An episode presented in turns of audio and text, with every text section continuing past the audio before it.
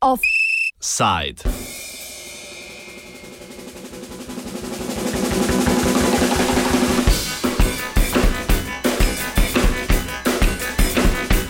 Patentirana neumnost.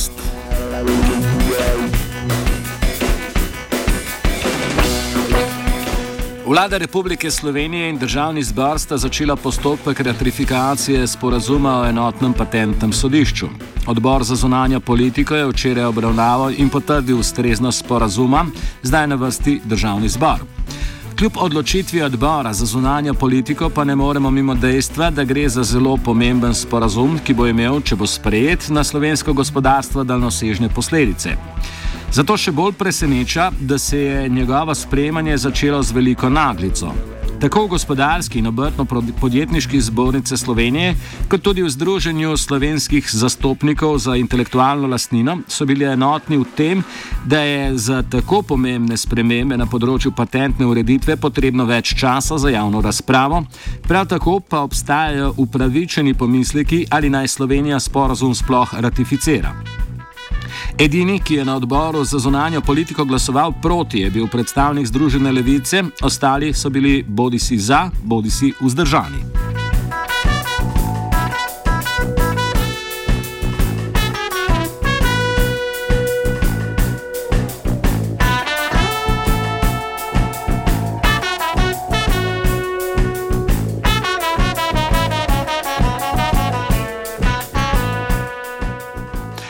O vsebini sporazuma smo se pogovarjali s strokovnjakom za patentno zakonodajo Gregorjem Mačkem iz podjetja ITEM DOO, ki je prisostvoval včerajšnjem zasedanju odbora za zunanjo politiko.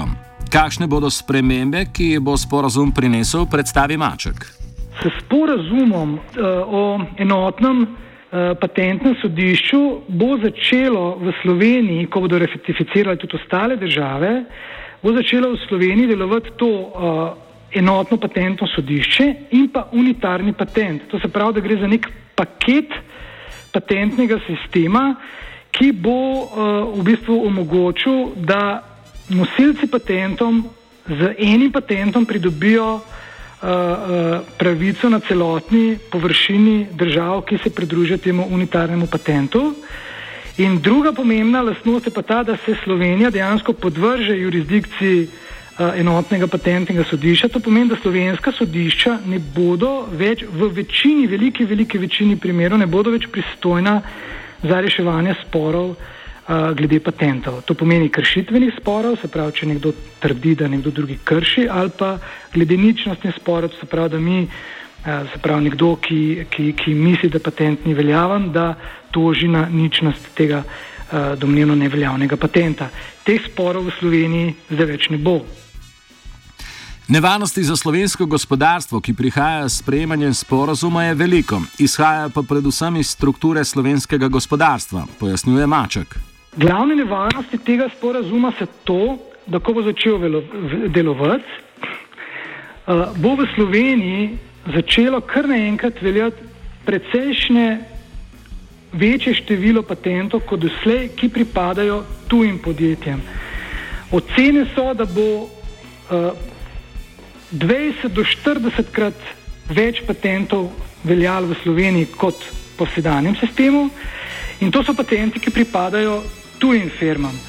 In glede na to, da vsak patent pomeni na nek način omejitev delovanja na tistem trgu vseh ostalih, to pomeni, da se bo omejitev delovanja slovenskih firm, slovenskega gospodarstva uh, bistveno povečala. To pomeni, da slovenske uh, firme ne bodo več smele uh, uvajati nekih novih znanj, ki bi jih sicer lahko uvajale pač v svojo proizvodnjo, v svoje izdelke uh, in tako naprej. In zdaj ta, ta razkorak je mogoče še bolj viden, če povem v absolutnih številkah. Se pravi, v Sloveniji začne vsako leto na novo veljati 2000 patentov, podeljenih patentov. Zdaj pričakujemo, da bo to, ta številka zrasla na 30 do 50 tisoč novih podeljenih patentov v Sloveniji na leto. To pomeni, da bo to rekel, zelo, zelo velik pritisk na slovenska podjetja, kaj lahko delajo in kaj ne smejo delati. Poleg znatnega povečanja veljavnih patentov na teritoriju Republike Slovenije, Maček opozarja na visoke stroške, ki jih bo prineslo pričakovano večje število pravdan. Ta imajo lahko za posledico zadušitev gospodarskega razvoja in odpovedovanje proizvodnji, za katero se bodo slovenski proizvajalci bali, da bo predmet, predmet patentnih sporov. Več o tem Maček. Dodaten pritisk je pa ta, ki se tiče sodišča, se pravi, ti imetniki patentov, ne, tujci v glavnem, bodo slovenske firme veliko bolj ustrahovali ali pa pritisnili ne, glede kršitve.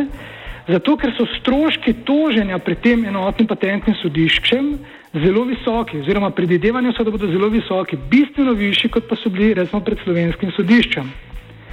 In zaradi tega bodo slovenska podjetja že samo na podlagi grožnje, da mora biti kršijo, se bodo v veliki večini pač odpovedovala nekim uh, proizvodnjam. In to je tisto, kar v bistvu nekako uh, se mi najbolj bojimo, da da bodo slovenska podjetja, ki niso tako zelo pripravljena na ta sistem, oziroma sploh patentni sistem v zelo mehki meri izkoriščajo, da bo to pomenilo, da se bo vse razvoj v Sloveniji enostavno zadušil, ali pa bom rekel ne vse, ampak v znatni meri zadušil.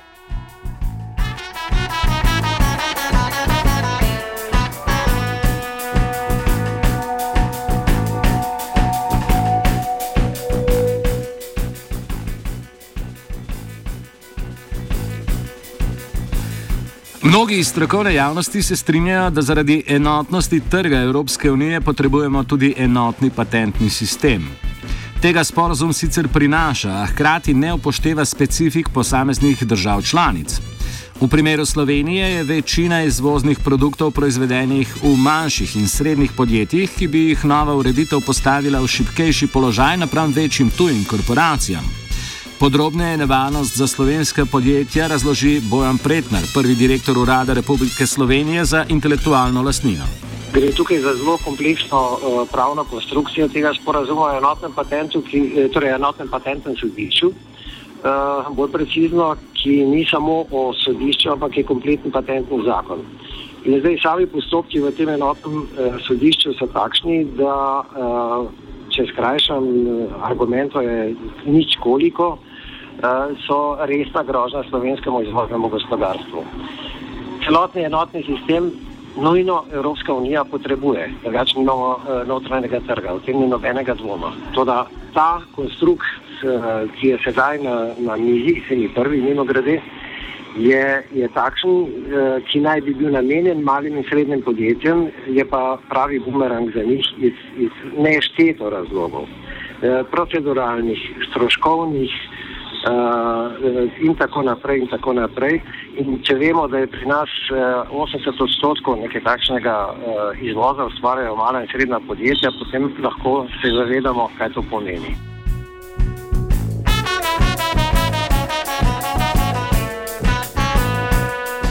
Mnogi zagovorniki pristopa Slovenije k sporazumu kot primer dobre prakse navajajo Združene države Amerike. A prav primer ZDA je najbolj poveden o tem, da to vrstna ukrepitev ukrepi centre proizvodnje, medtem ko periferijo šibi. Kam v tej računici spada Slovenija, pojasnjuje Maček.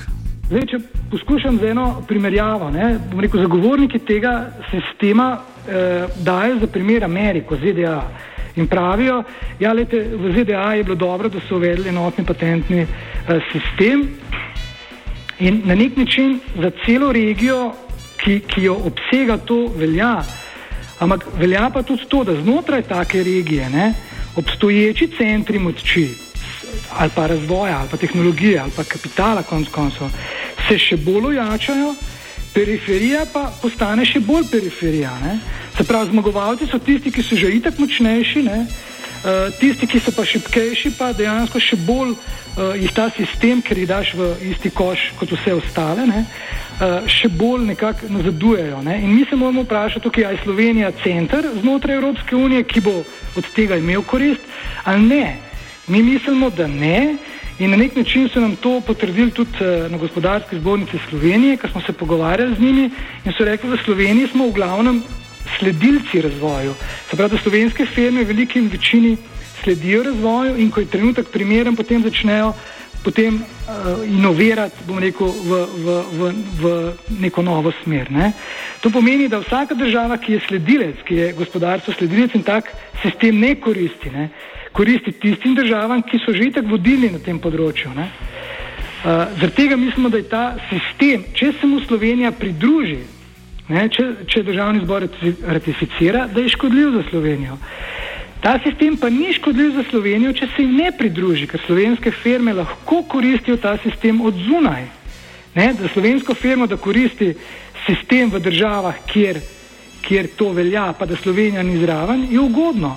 Sam, če gremo pa mi zraven, da pademo pod to jurisdikcijo, nam pa ne koristi. Ne.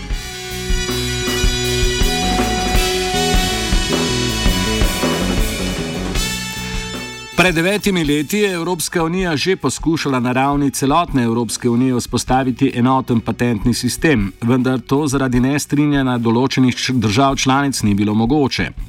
Namesto tega so kasneje preko tako imenovanega instituta ojančenega sodelovanja poskusili znova. V okviru tokratnega poskusa je potrebna ratifikacija novega patentnega sistema strani najmanj 13 držav članic EU, med njimi pa ne bo Hrvaške, Polske in Španije.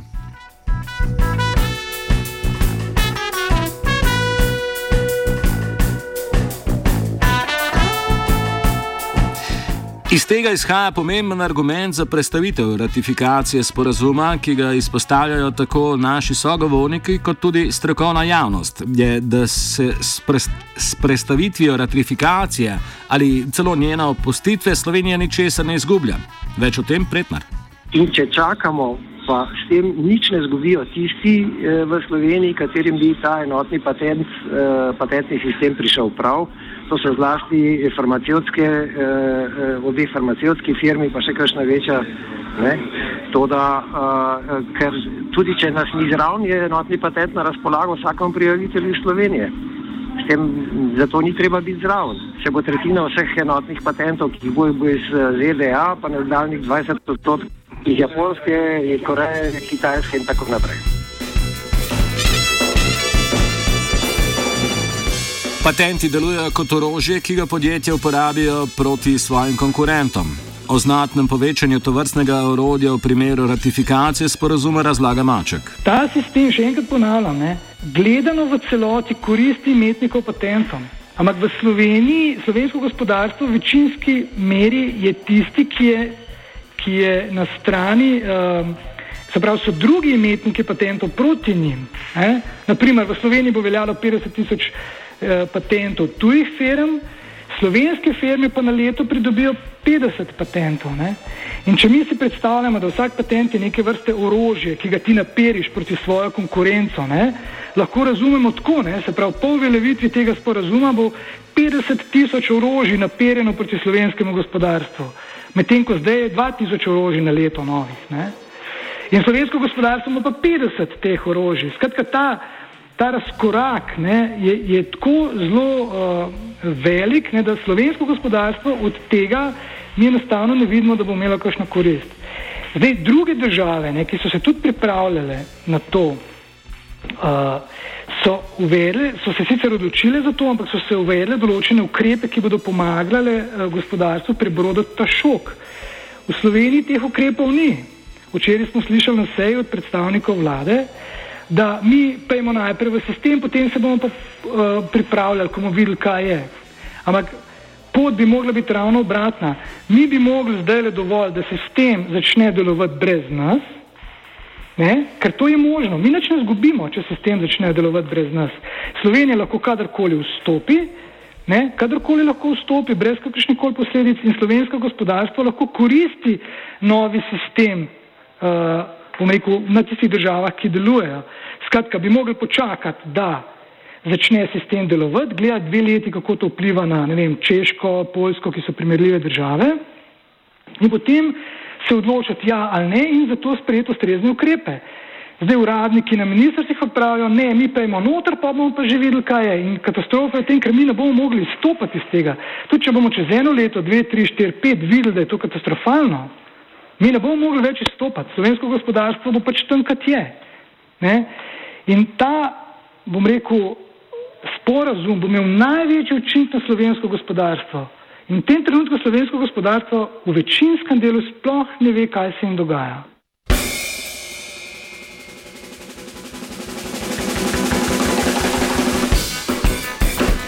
V Sloveniji je bila pripravljena analiza pridružitve Slovenije sporozumu pred mesecem dni. A čas, ki je potekel od takrat pa do včerajšnje obravnave na odboru za zunanje politiko, je izredno kratek.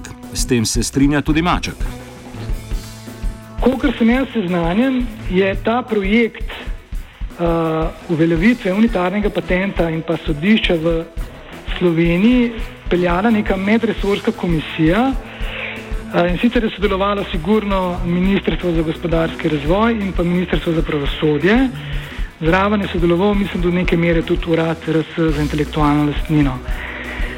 Včeraj so se vsi sogovorniki strinjali in tudi uh, prisotna predstavnica uh, uh, uh, obrtne zbornice Slovenije in pa gospodarska zbornica Slovenije, ki je pisno dala, uh, bom rekel, svoj material na samo sejo. Uh, da gospodarstvo v tem trenutku, ko mi že skačemo v ta sistem, v resnici sploh ne ve, zakaj se gre.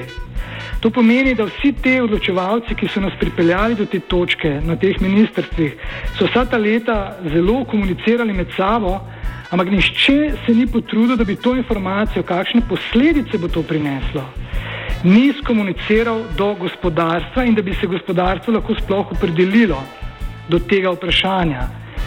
Eh, tudi informacije, ki so bile predstavljene na konferenci maja letos, ne, se pravi, zdaj sprejemamo. Konferenca, na kateri bi se pa pogovarjali, o tem je bila pa maja, se pravi, samo en mesec nazaj. Ne, uh, na tej konferenci so bile strani urada in ministrstev posledice in ta sistem predstavljen izrazito enostransko. Na to konferenco sem bil povabljen tudi jaz in sem rekel, vsa tveganja, ki jih mi vidimo, sem izpostavil, vendar v povzetkih potem tega ni videti. Ne? In nekako vse komunikacije, ki jih, uh, uh, bom rekel, ti organi pošiljajo naprej, pravijo, da se vsi strinjajo s tem sistemom.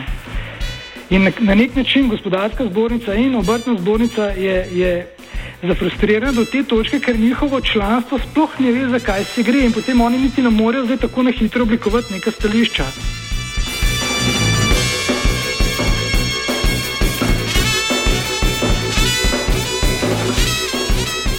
Kako konkretno je potekalo včerajšnje glasovanje, pa razloži poslanec Združene levice Matej Vatovec, sicer edini član odbora za zunanjo politiko, ki je včeraj glasoval proti ratifikaciji sporazuma.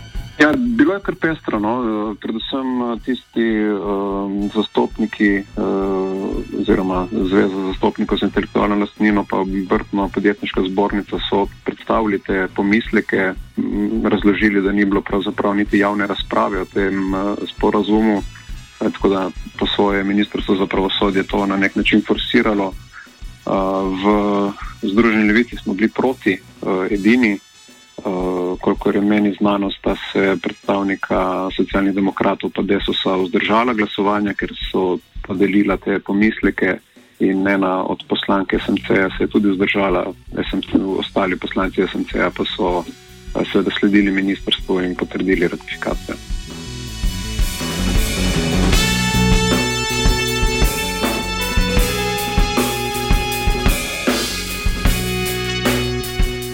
Offset je pripravil mladen zobec.